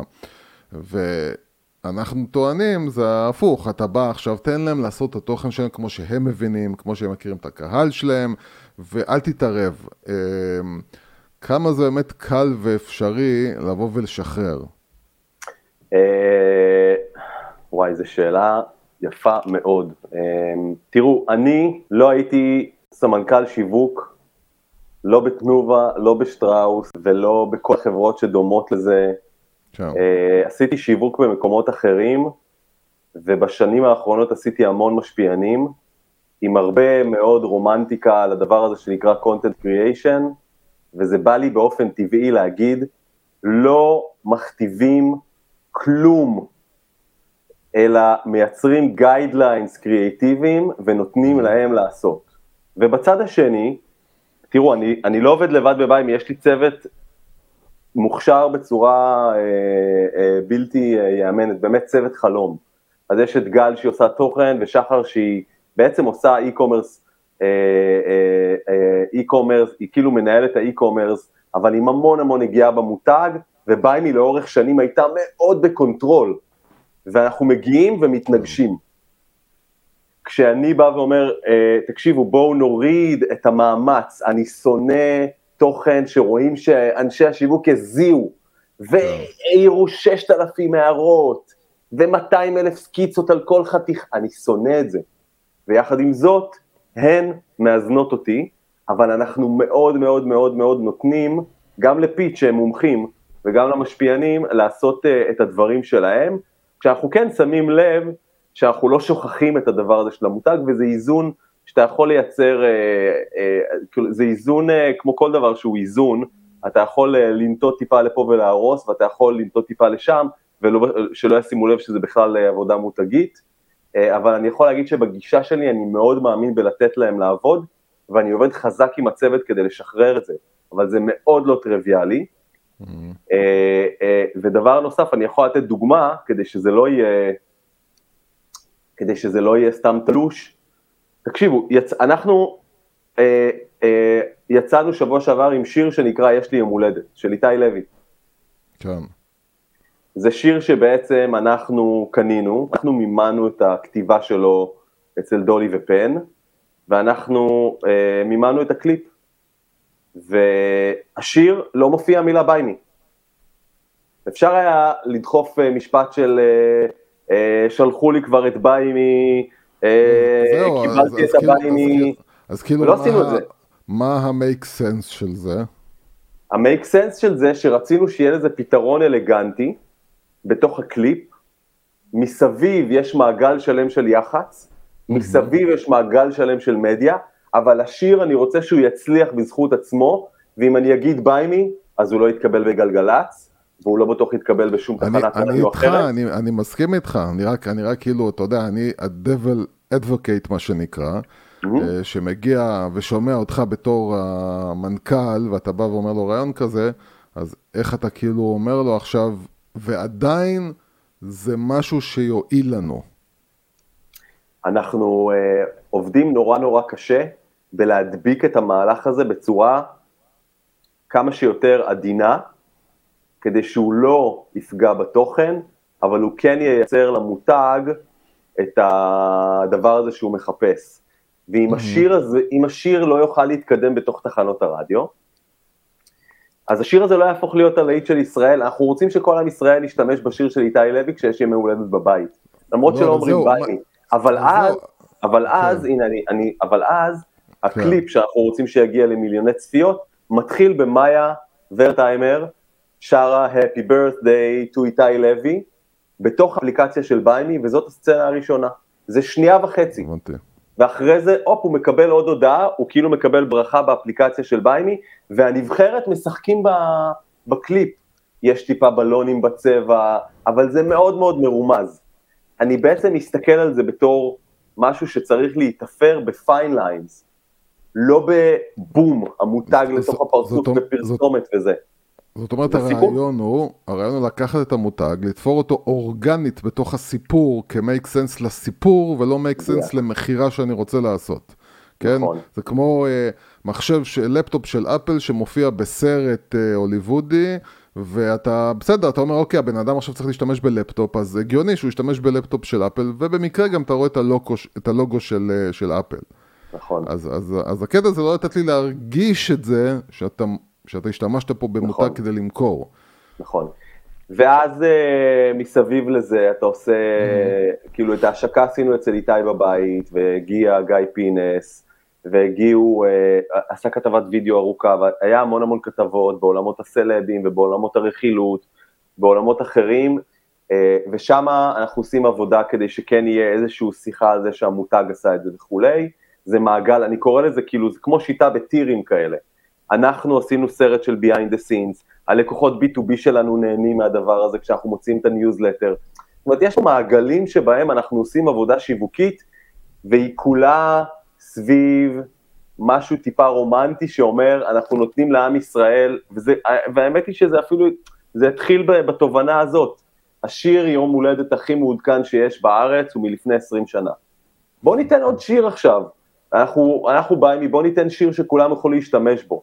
אז המעגלים האלה, כשכל פעם אתה, אני, אני שם לב לזה בצורה מאוד מאוד uh, פנאטית, mm. שזה לא יהיה פרסומת, אלא שזה יהיה תוכן שעף, ואם התוכן יעוף, המותג, גם אם הוא יעוף במרחק ממנו, הוא יהיה שם.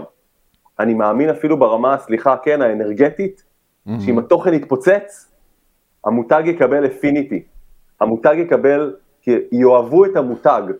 אני לא יודע איך כן. להסביר את זה אפילו, אבל ככה אני רואה את זה. אני מבין, אה, אה, ואתה יודע, אנחנו נכנסנו בסופו של דבר, אני קיוויתי שאתה כן תדבר על זה שהשתמשתם באינפלואסרים קטנים, כי, כי כן יש לנו גם קהל אה, שהוא קהל של יזמים קטנים, חברות קטנות או עסקים קטנים, וכן אנחנו מנסים להכניס אותם לעולם הזה של תשתמשו באינפלואנסרים. אם כן יש איזשהו משהו שאתה יכול לתת לאנשים שצריכים אינפלואנסרים יותר קטנים, את ההיגיון באיך להשתמש בכלי הזה. תראו, אז כאילו אני עכשיו חצי דקה, מה שעשיתי לפני ביימי זה שהקמתי והייתי מנכ"ל במשך שנתיים של חברה שנקראת Humans. Mm-hmm. מפגש שלי עם אה, חמישה חבר'ה יוצאי 8200, אחד מהם הוא, הוא ליאב, הוא המנכ"ל היום. אה, אנחנו ניסינו להיות, לייצר חדשנות טכנולוגית וחדשנות של דאטה בעולמות המיקרו והננו influencers בעיקר, כדי שהכלי הזה יהיה נגיש לכל עסק שצריך תוכן, השפעה ואהדה.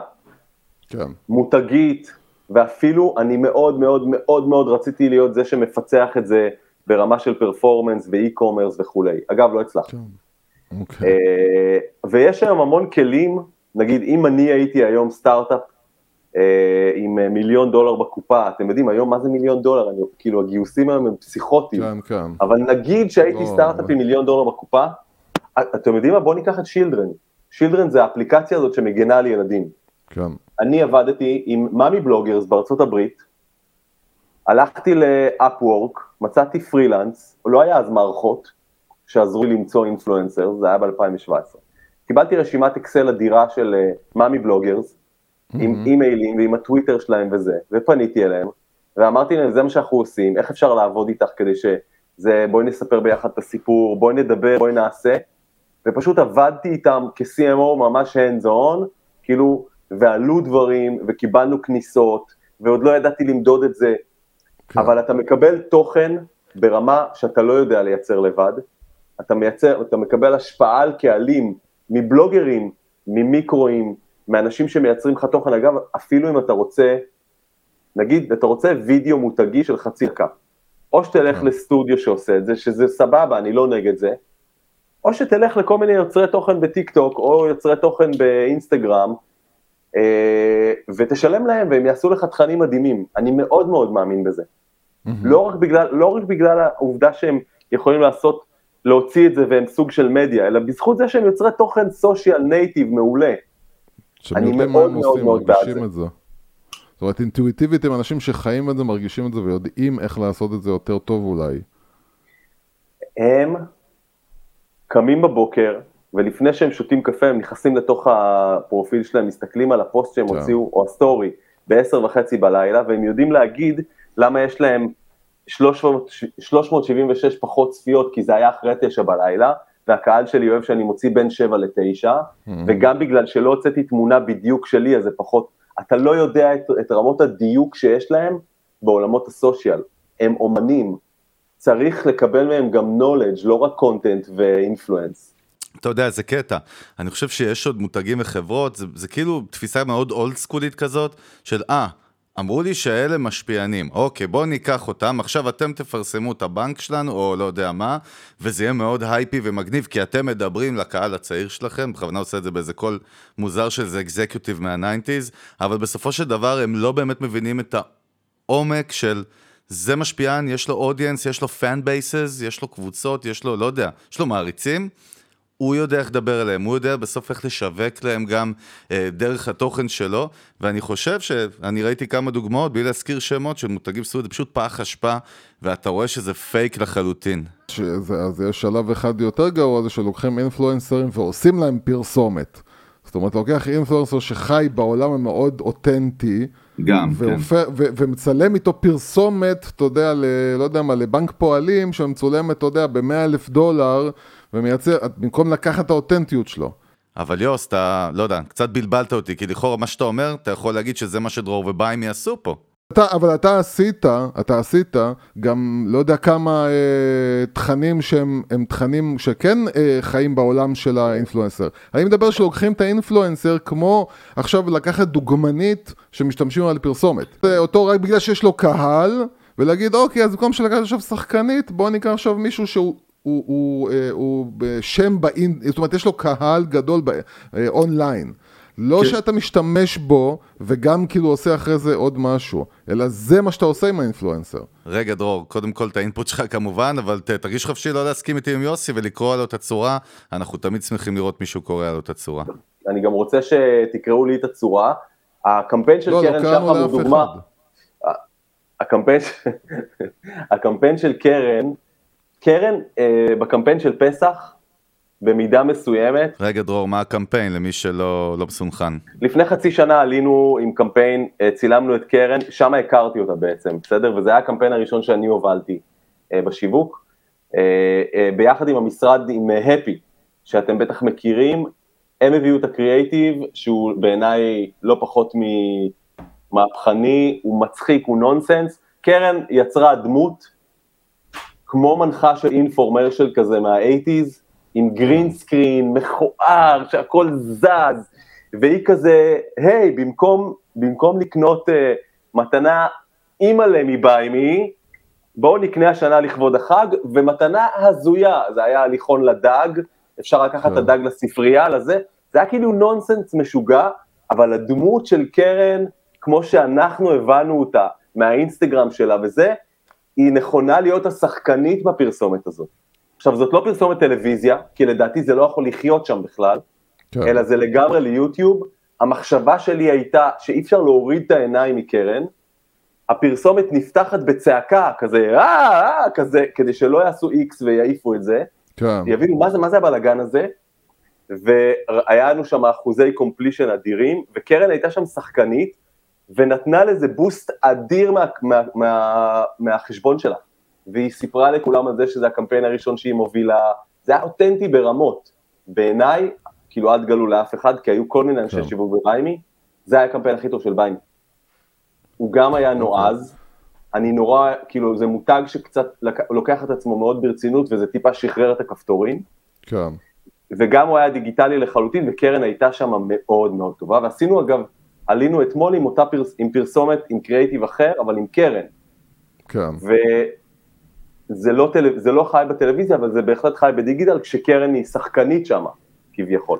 רק שיהיה ברור בקמפיין הזה ספציפית, זה לא אנשים, זה לא אינפלואנסרים שלקחתם והפכתם אותם בעצם לכוכבים של פרסומות, אלא אנשים שלקחתם אותם בתור אנשים שמייצרים את התוכן שהם רגילים לייצר בפלטפורמות שהם רגילים להיות בהם. לא, אבל אה, לא, לא מדויק. היה לי, אה, יוסי, כן. אז אה, סליחה, היה לי איזשהו תקלת קליפה לרגע, אז אה, תחזור רק כדי שאני... אני אחזור, אני אחזור לא רק על השאלה. מה, מה שרציתי להבין זה האם באמת מדובר על הקמפיין האחרון שעשיתם. רק לקחת בעצם את אותם ולייצר להם מה שנקרא פרסומות, או גם הם מייצרים את התוכן שלהם בפלטפורמות שלהם כמו שהקהל שלהם רגיל לקבל. כן, זהו. נכון, אז אתה צודק. אז אה, במשך 12 חודשים כל חודש יש תמה סביב מתנות, נגיד ביוני הייתה תמה שבה, נדמה לי שהייתה יום הולדת של מעיין אדם, ומעיין אמרה, אני, אני רוצה חודש שכולנו נעשה לכבוד היום הולדת שלי מתנות שמעלות את הדופק. זו הייתה התמה של יוני, ואז אה, מיסמס ומעיין הלכו וקפצו ממטוס, ומאיה וליאל הלכו ועשו וייקבורד באיזה אגם בירקון. שזה הכל מוצרים שאפשר לרכוש דרך ביימי. שזה הכל דברים שאפשר כן. לעשות עם, עם ביימי, וזה גם שותפים של ביימי, וזה גם היה נהדר, כי זה שותפים לא ענקיים שצריכים את הפרסום, כן. והתוכן היה היסטרי, הם צילמו את עצמם. זה cross promotion מטורף, זה ווין ווין ווין, זה, זה triple win. וזה ה, זה ה, זה ה-bread and butter של כל הקמפיין השנתי הזה, אבל mm-hmm. אז אנחנו עושים, במאי עשינו השק, השק, הפקת פתיחה שהיא הייתה פרסומת לכל דבר, אגב, לא פרסומת טלוויזיה, ביי מי ביי מי ביי מי, אלא, אלא ההשקה של הנבחרת, עם, אה, עם אה, גם תוכן שפיץ' עשו, מסיבת יום הולדת של, של כיתה ו', כולם הכניסו נר לבקבוק וכאלה, וזה יצא מקסים. ועכשיו בקיץ עשינו את הקליפ, ויש לנו עוד הפקה לקראת סוף השנה, ובין לבין זה תוכן native שלהם סביב כן. תמה חודשית. רגע דרור בוא נדבר קצת על performance ועל budget ועל execution. Uh, uh, בסוף אתה יודע, זה fucking מגה פרויקט, יש פה טונה של תוכן, uh, איך אתה מחלק אותו, איך אתה בונה את ה Gantt סביב זה. אתה יודע, באמת, איך עושים distribution בסופו של דבר? איך אתה מסתכל על פלטפורמות, טיק טוק, לא טיק טוק, פייסבוק, אינסטגרם, רילס, לא רילס, כאילו, ואיך מחלקים באמת את התקציבים שם? אתה יודע, טלוויזיה, דיברנו קצת, ATL, BTL, שוט. אמ, אני אגיד משהו, אה, לא, אני כאילו רציתי לשתף מסך ולהיכנס אתכם קצת לאנליטיקס וכאלה, לא סתם. לא באמת, לא באמת. לא מפחיד אותי נשמה, אני, העיניים שלי ישר נפתחו, ראית? כן, ראיתי, ראיתי. אה, אגב, אתה יודע שאפשר להיפגש גם אה, לא בפודקאסט. מה השאלה? ברור, אנחנו הולכים להיפגש, אתה מכין וויסקי, say when, ואנחנו שם, מה זאת אומרת? יש, יש תמיד וויסקי, אני איש של וויסקי. say when. יאללה, מגניב. אז אני אגיד לכם מה, קודם כל, כל, כל המשוגעי אה, מדדים, אה, אני רוצה להגיד לכם משהו. בעולמות ה performance אנחנו מדודים על הסנט בביינד, אנחנו אתר e-commerce, גם, גם במובייל, גם בדסקטופ וגם ב application. בסדר, אגב, גם במערכות B2B ו-SMB שלנו, זה חגיגת analytics משוגעת, וכל שקל שיוצא בעולמות ה performance, אנחנו יודעים להגיד ומה ומי ומו, יש לנו משוואות ROI, הכל מתוקתק שם, תמיד אפשר להשתפר.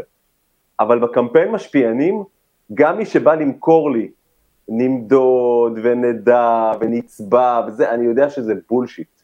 Mm-hmm.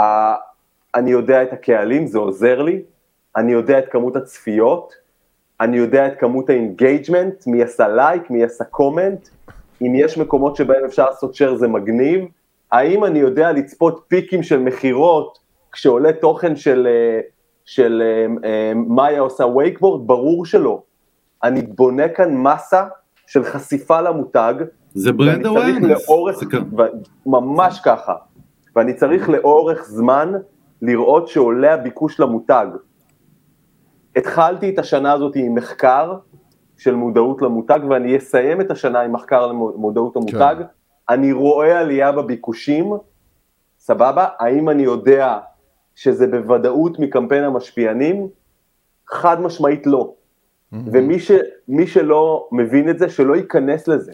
אני חושב שאתה יודע, זה מה שיוס ואני חווים באמת, בערך כל הקריירה המקצועית שלנו כזה. Uh, אתה יודע, הבעיה בלהסביר איך מודדים brand awareness, איך מודדים, אתה יודע, מה ה-KPI של באמת יוצרי תוכן שעושים לך boost קדימה.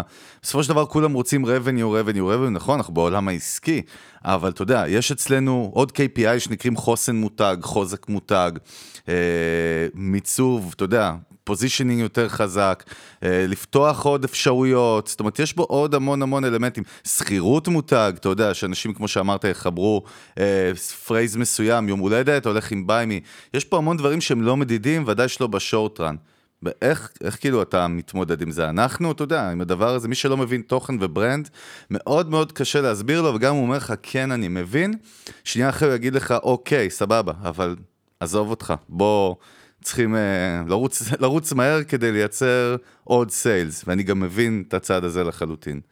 הסיבה שאני התערבתי בשביל להגיד שמעבר לזה, יש גם את העניין שאנחנו מקבלים הרבה תלונות מאנשים שהם מאוד data oriented, והם מאוד אוהבים מספרים ודאטה, והם כל הזמן טוענים את הטענה, הרי אנחנו מדברים כמוך בסופו של דבר.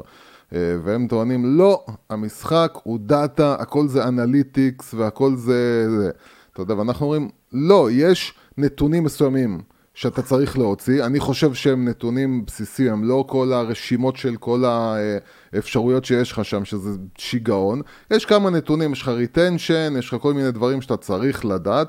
אבל הרבה החלטות הן כן מגיעות מהבטן, הן לאו דווקא מגיעות מדאטה. רגע, רגע, יוס, אני רק רוצה לסייג על הסיוג של הסיוג שסייגנו. כשאנחנו מתעסקים, אנחנו בדאטה וב performance and so on. אז אנחנו נהיה חיות רעות של מספרים ושל bits and bytes. ואתה יודע, אנחנו כאילו נהיה ב-CPI וה-KPI ונהיה ב-CAC וב-user acquisition, נהיה ב-impressions, אנחנו נתקרחן עם הכל ועם כל פלטפורמה שיש ועם כל כלי שיש, אבל אתה יודע, אה, באמת צריך לסייג באיזה עולם אתה מדבר, אני מדבר על brand awareness. אני רוצה שתשלים את המשפט. לא, לא, לא, עכשיו פרינציפ, לא משלים, לא משלים, לא. אין, אתה בקבר תלך ולא תדע מה שרציתי להגיד. לא, לא מוכן. אז לא, אני רוצה רגע... הדבר היחיד שרציתי להגיד הקטן זה רק, כאילו, השאלה אם זה רק ב brand awareness או גם במקומות אחרים, גם במטרות אחרות שלך. שאתה בהם, הכוונה היא שאתה בהם לא נצמד רק לדאטה ורק ל analytics. אז uh, אני אגיד לכם מה, בואו בוא ננסה שנייה לארוז את הדבר הזה, ואני חושב שזה הדיון הכי מעניין שאפשר לעשות היום בעולם השיווק. עולם השיווק כאילו, אה, אה, אנשי השיווק, אה, לא יודע איך חושבים עליהם כל האנשים מבחוץ, אבל השיווק הוא אירוע כל כך פרגמנטד היום, הוא מורכב, הוא כמעט מדע טילים, יש דברים בעולמות המותג שקשה למדוד וזה תחושות בטן, ואז התחושת בטן שלי נכונה, המנכ"ל חושב ככה, הוא חושב ככה, מי צודק וכולי, ויש מלא דברים שהם, שהם מדידים לחלוטין וכולי, והדברים המדידים משפיעים על הדברים שהם לא מדידים וכן הלאה, בקיצור זה מאוד מורכב, ואני תמיד בסוף שיש לי בלאגן בראש, חוזר ל funnel ואומר, האם חשפתי את המותג שלי מספיק כדי שהוא יהיה ב top of mind של אנשים, ונניח שאני יודע לחקור את זה וכולי וכולי, אבל אני מסתכל אפילו ברמה הכספית וברמת החשיפות והקהלים שצבעתי בחלק העליון של ה funnel. ואחר כך כשאני יורד למטה, יש דברים נורא מדידים והדאטה מספר סיפור גם מהרגע שלוחצים על באנר נכנסים לאתר, מקליקים, עושים, כן ממירים, לא ממירים, הדאטה שם מספר סיפור שלם. אבל בסוף, בסוף, בסוף, בסוף, יש חלק שלם שהוא עדיין רומנטי, וצריך להאמין בו, וצריך להחליט שעושים אותו, ואפשר למדוד אותו בקטנה, אבל לא יודעים אף פעם כמה הוא השפיע, ואני שנייה תכף אתן דוגמה, ויש חלק שהוא לגמרי אנליטי, בסדר? והם חיים ביחד, ומי שלא יעשה החלק הרומנטי בעיניי, בעיקר אם יש לו תקציבים, בסדר? לא יבנה משהו שהוא נקרא אסט, המותג הוא אסט, וגם אם קשה למדוד שמה, אני חושב שצריך להיות שמה, בסדר? וזה מקום שבו מי שרוצה רק מדדים ורק ROI ורק ורק ורק, יהיה לו מאוד קשה. קמפיין משפיענים שנתי הוא מדיד בקטנה, בסדר? ודוגמה לזה, אני עכשיו עולה עם סרטון פרסומת שהולך לצבוע מלא קהלים וכו' וכו' וכו' וכו' לראש השנה. יש לי שם יעדי e-commerce מטורפים. ובסוף אני אעמוד ביעדים ואני אשב יום אחרי הקמפיין ואני אגיד, מה היה קורה אם לא, מסר, אם לא הייתי עולה עם הסרט? לא הייתי עולה, יש לי טונות של, יש לי תקציב ל search ואנשים מחפשים את המותג, ואנשים מחפשים אה, קטגוריות, ויש לי אה, GDN, אני אגיד לך, אבל מה, אני בטוח שהרבה סיבות למה לא יקרה במה שאתה מתאר, אבל אני יודע מה, מה ודאי לא יקרה, כשאתה מתעסק רק ב-keywords ו-search ו- וכאלה. לעולם ה phrase יום הולדת לא יתחבר לאנשים בראש בצורה הפסיכולוגית עם המותג BuyMe.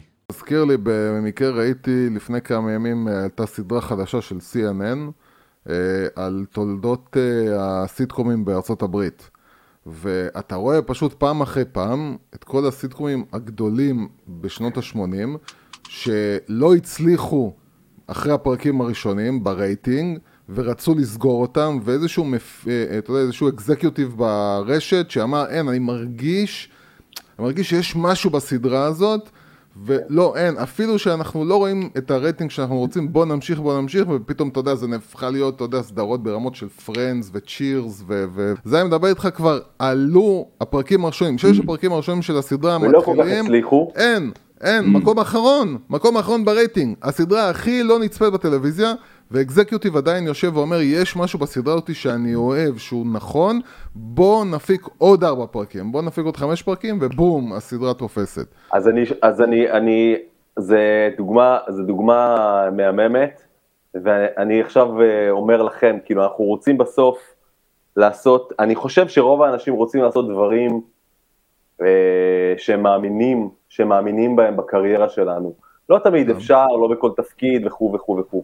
אבל אתה עדיין רוצה לעשות דברים שאתה מאמין בהם, והרבה פעמים אתה מוכן להגיד, אני מאמין בזה, ואני מוכן להסתכן, ותפטרו אותי. Okay. אני אוקיי. יכול לא להצליח, ואלוהים יודע שאני לא הצלחתי אי אלו פעמים בחיי, ברור. וזה רצף הסיפורים שהם uh, החיים שלי, מורכבים מהרבה אי הצלחות, אבל אני עדיין יש בתוכי את הרצון להגיד, אני אוהב את זה, ואני מוכן להסתכן.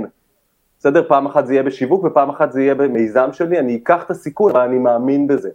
שזה דבר מאוד לא פשוט, מאוד לא פשוט. זאת אומרת, לעמוד, ואתה יודע, גם הרבה... אה, אתה יודע, זה לא רק דרך אגב מנהלי שיווק, גם אפילו איזשהו אה, מותג אה, מסוים ש... שאני מכיר, שזה בן של הבעלים, בן של ה... דור שני. פתח את זה. והוא בא עכשיו עם כל ה... אתה יודע, בוא, בוא נעיז, ובדיוק בדיבור הזה, ועכשיו אתה צריך לעבוד, לעמוד מול אבא שלך, נכון. ואתה יודע, זה קודם כל למכור לבן אדם אחר, אתה צריך למכור למנכ"ל, ו, והוא צריך למכור לאבא שלו, שהוא הבעלים, אבל אתה צריך למכור להם עכשיו את, ה, את, ה, את הקטע הזה של בוא נעשה משהו שעוד לא עשינו, בוא נעיז וניקח סיכון. נכון. וזה משהו לא פשוט בכלל. אני חושב, אבל יוס, בכל אופן, ש-CMOs, אה, צריכים להוכיח את עצמם דרך ניצחונות קטנים, אף אחד לא, אתה יודע, לא נותן לך ישר טרפת.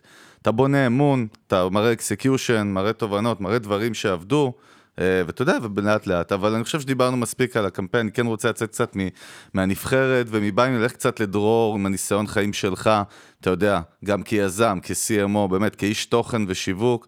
אתה יודע, אני רוצה שנדבר רגע על אחד האתגרים הגדולים אה, שקורים אה, על פני השטח, איך בוחרים outsource, אה, איך בוחרים סוכנות, אם זה performance, אם זה סוכנות תוכן, קריאייטיב, חברת הפקה שעובדת איתך, אתה יודע, איך, איך כאילו אתה בוחר, יש כל כך הרבה היצע, אה, ומאוד מאוד קשה לבחור את הדבר הנכון, בסוף זה גם, אה, אתה יודע, מקרין בעצם על, ה, על העבודה שלך כ-CMO, מי שאתה תעבוד אה, בתוך הארגון. תראו, בביימי אני חווה, uh, יש הרבה דברים שהיו. ואז אה, אני מסתכל ורואה מה אני אוהב ומה אני לא אוהב וכולי, יש מערכות יחסים ארוכות שנים שאני לא אוהב להפר כהחלטה ראשונה, ולאט לאט אה, לומד אה, ספקים, אבל בתוך העולמות שלי כ-CMO בסטארט-אפים, את הקריירה שלי פחות או יותר בעולם השיווק התחלתי בזה שהקמתי משרד פרסום שנקרא אקליפטוס. כשהקמתי את זה לא ידעתי שזה משרד פרסום, אבל בתוך המשרד פרסום הזה אז אה, חוויתי חוויות אה, משמעותיות בחיים משנת 2009 עד 2013, הכרתי מלא לקוחות, והזווית שלי הייתה, הכרתי מלא לקוחות, הכרתי אנשים חכמים, הכרתי אנשים לא חכמים, עבדו אצלי אנשים שהיום עובדים בכל התעשייה, עבדו ביחד איתי, השותף שלי הוא מנכ"ל מקן דיגיטל, אה, בחור בשם מאור חן, עוד אחד שאני ממליץ לדבר איתו, וזה קצת יצר אצלי את, ה, את המקום שבו אני מעריך, גם כשאני פוגש אנשים שבאים לעבוד אצלי, זה יצר אצלי איזשהו מין, מה אני מחפש באנשים, ובמשרדי הפרסום זה יצר אצלי את ה-DNA שאני מחפש. ואני, אני, זה, כאילו, אני יודע מה אני מחפש, ואני גם מנסה תמיד להגדיר מה אני צריך בדיוק. נגיד, ניקח את הפי כדוגמה ב BuyMe, בסדר? אני מסתכל היום על הפי ואני יודע שהם ייצרו לי קריאייטיב כאילו קיצוני, לא מיינסטרימי, או נונסנס, או סופר מרגש. אני צריך מהם קריאייטיב מאוד מאוד מאוד ספציפי, ולכן הם מאוד מתאימים למה שאני צריך. לדברים אחרים הם לא מתאימים ויש לי ספקים אחרים. אז אני כאילו מאוד יודע מה אני צריך, ומשהו בחוויה שלי, בעומק שלי, בקריירה, הביא אותי למקום שבו אני נפגש עם האנשים ואני כאילו באיזשהו מקום מרגיש מי הנכון ומי לא נכון, וגם אני צריך נורא נורא לאהוב עבודות שאני רואה שהם עושים. נגיד פגשתי, אני לא אשתמש בשם, אבל פגשתי חברת הפקה שבוע שעבר, ופגשתי אותם וראיתי עבודות שלהם, ו- and I fell in love. ראיתי Mhm. דברים שהם עשו, שהעיפו אותי, ואז מיד אני רוצה לעבוד איתם. אגב, ככה עבדתי גם בחברות סטארט-אפ, הרבה פעמים אני, אני אומר כאילו, תעשו לי כזה, כן. תעשו לי כזה, מי זה עשה את זה פה? מי חשב על הרעיון הזה? אה, זה אתה? בוא תספר לי, וזה וזה וזה, וקצת מה אתה עושה, וקצת ברמה האישית, ועוד פעם, הרומנטיקה, אה, אתה נגן בס בכלל, אה, אתה בכלל מגיע משם, אני כאילו קצת מתאהב בזה, ואני רוצה אותם. אוקיי. האם תמיד צדקתי? חד משמעית לא. האם היו לי ספקים גרועים? ברור שהיו לי. מהמם. אבל זה, ה, כאילו, זה המקום ש, שאני חושב שממנו אני בא, אה, ולא יודע אם עניתי לשאלה הסופר מורכבת, התשובה שלי הייתה מורכבת, אבל אני ממש ממש מנסה להתחבר אליהם ברמה האישית, לראות עבודות שאני נורא אוהב, ולקחת את החוויות שלי מהקריירה ולנסות קצת להשתמש בזה כדי לקבל החלטות נכונות. אני לא רוצה להישמע פלצן, לא, אני לא צייר, בסדר? אני נגן גרוע בגיטרה, אני לא רוצה להישמע פלצן, אבל משהו בדבר הזה של נגיד אם אני צריך איש קריאייטיב, העולם שלו מעניין אותי. טוב, קודם כל אתה לא נשמע פלצן. אה, נשמע לי make sense, טוב, אנשים שקריאייטיב זה העולם שלהם. במקרה אני גם תופף, אז זה להתעסק איתי, אבל אה, אתה יודע, בסוף אני מבין לחלוטין מה שאתה אומר. אה, אנשי קריאייטיב, זה מה שהם עושים. הם יצירתיים, הם אומנותיים, ויש להם גם את כל הסריטות שלהם. טוב, זמננו מתקצר, אנחנו לקראת נחיתה. וכן, אני רוצה ככה לקראת סיום לשמוע ממך באמת, אתה יודע, איך אתה רואה את הטרנדים העתידיים בשנים הקרובות בעולם השיווק, מגמות, לא יודע, איזשהו insight שאתה תיתן לנו מהניסיון שלך ומהשטח שאתה נושם, אה, ושכל המאזינים שלנו יוכלו לקחת כתובנה קדימה. אתם יודעים, העולם, אני תמיד אה, מרגיש שאני אה, מסתכל, אני כאילו כבר אחרי הטרנדים, ואז אני מגלה שהם רק התחילו, אני יכול לתת דוגמה. אני חשבתי כשהתחלתי עם, עם העולם של המשפיענים, איפשהו ב-2017-2018, כל הזמן חששתי שהוא עומד, לקיצ... עומד להגיע לקיצו. והיום בעצם אין סושיאל בלי משפיענים. זאת אומרת, אני מסתכל היום על חברות הדיגיטל והסושיאל, וכמעט כל מה שהם עושים קשור במשפיענים, זה פשוט בלע את כל שאר הדברים. אם אני מסתכל, אני חושב ש... ואני לא רואה, אני, זאת אומרת, אני לא רואה בשנתיים שלוש הקרובים איזשהו, אם הייתי רואה גל גדול שמגיע, כמו שראיתי ב-2009 בעולם הסושיאל והקמתי סוכנות, אני אגלה לכם סוד, הייתי מקים, היז, כאילו, אני לא רואה גל היזם. גדול שמגיע, זולת העובדה שאני מרגיש, אחד, שיש חזרה ל... בעולם של, של, בעולם של סטארט-אפים והייטק והחברות ש, שגייסו וכולי וכולי, יש חזרה למקום הקריאיטיבי, יש המון, יש באיזשהו מקום חזרה לאהבה של תוכן ולייצר תוכן ולקחת בעלות על עולמות תוכן כמותגים וכולי, אני ממש מקווה שזה יהיה שם, אני ממש מקווה שזה הולך לשם, אני רואה דברים שעושות חברות כמו מאנדיי, ואני רואה כמה לומדים מהם כל השאר, והם עושים פודקאסט מטורף, ופתאום כולם מכירים אותם בזכות הסטארט-אפ פור סטארט-אפס, ואני רואה דברים מדהימים שעושים ברמת מיתוג מעביד, ואני מסתכל שנתיים שלוש קדימה, ואנשים שיודעים לעשות קריאייטיב ולייצר תוכן מדהים הולכים ליהנות בטירוף, כן. אז ה- קצת הרומנטיקה חוזרת, סבבה? אני חושב שלגמרי אנחנו בעידן ה social, הטיק טוק, אני לא יודע אם Clubhouse יתפוס, כן יתפוס וכולי, אבל אנחנו צריכים לעקוב אחרי כל. הדבר הזה. מה זה? כן, אני לא יודע. כן, אני רק אוסיף על מה שאתה אומר שבאמת חוויות של sonic branding ו sonic marketing, audio marketing, מה שנקרא, audio e-commerce, חוויות מטורפות שמתעצמות ביחד עם העלייה של תוכן אודיו בפודקאסטים ובכלל. אה, שוב, אין לנו עוד חוויות עם אה, רכישה קולית בישראל, אבל בארצות הברית זה מתפוצץ. נכון, אני רואה את זה מגיע וכולי, וזה ייקח שנים, אבל אני רואה את זה. כן.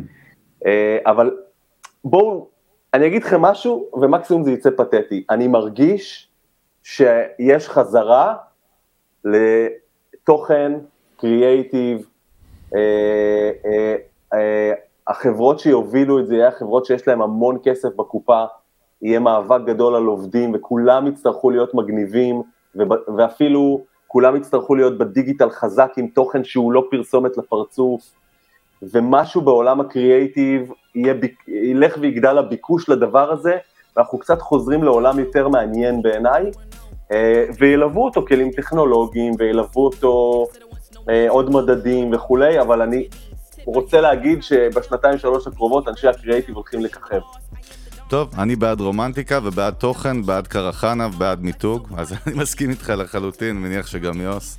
אה, אז אנחנו באמת קודם כל רוצים להודות לך, דרור, היה עונג. אני חושב שהיה קצר מדי בעסקתי, אחי, צריך, צריך איתך עוד כמה שעות כאלה, אה, ובטוח שאנחנו נעשה אותם בעתיד. אז קודם כל אנחנו רוצים לאחל לך, אה, דרור בלומנטל, ממש ממש המון הצלחה ותודה רבה על הערך שנתת ושיתפת איתנו.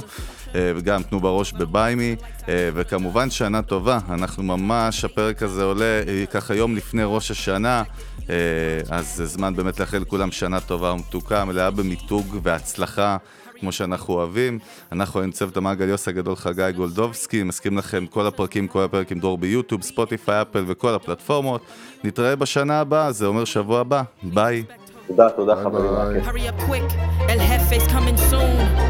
Sit up straight when she enters the room. Be enthused, but don't look too amused. This is her queendom, please respect her rule. Smile in my face, what in my place, but act gully on cyberspace. Let's pump brakes, let's be frank. Running after him when you're the chase. You are the catch and he's the net. How quickly do we all forget to honor these small policies, my darling? You are the empress queen. Man, respect or he'll neglect. You are the wind beneath his wings.